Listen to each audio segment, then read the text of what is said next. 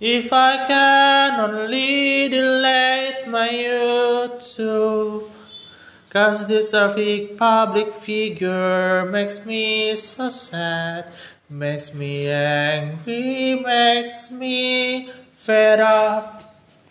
They say they make a kingdom without making an excuse.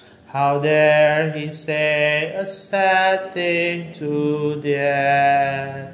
So God, if I can only delete my YouTube, I'll be looks like happy for a moment, for a moment,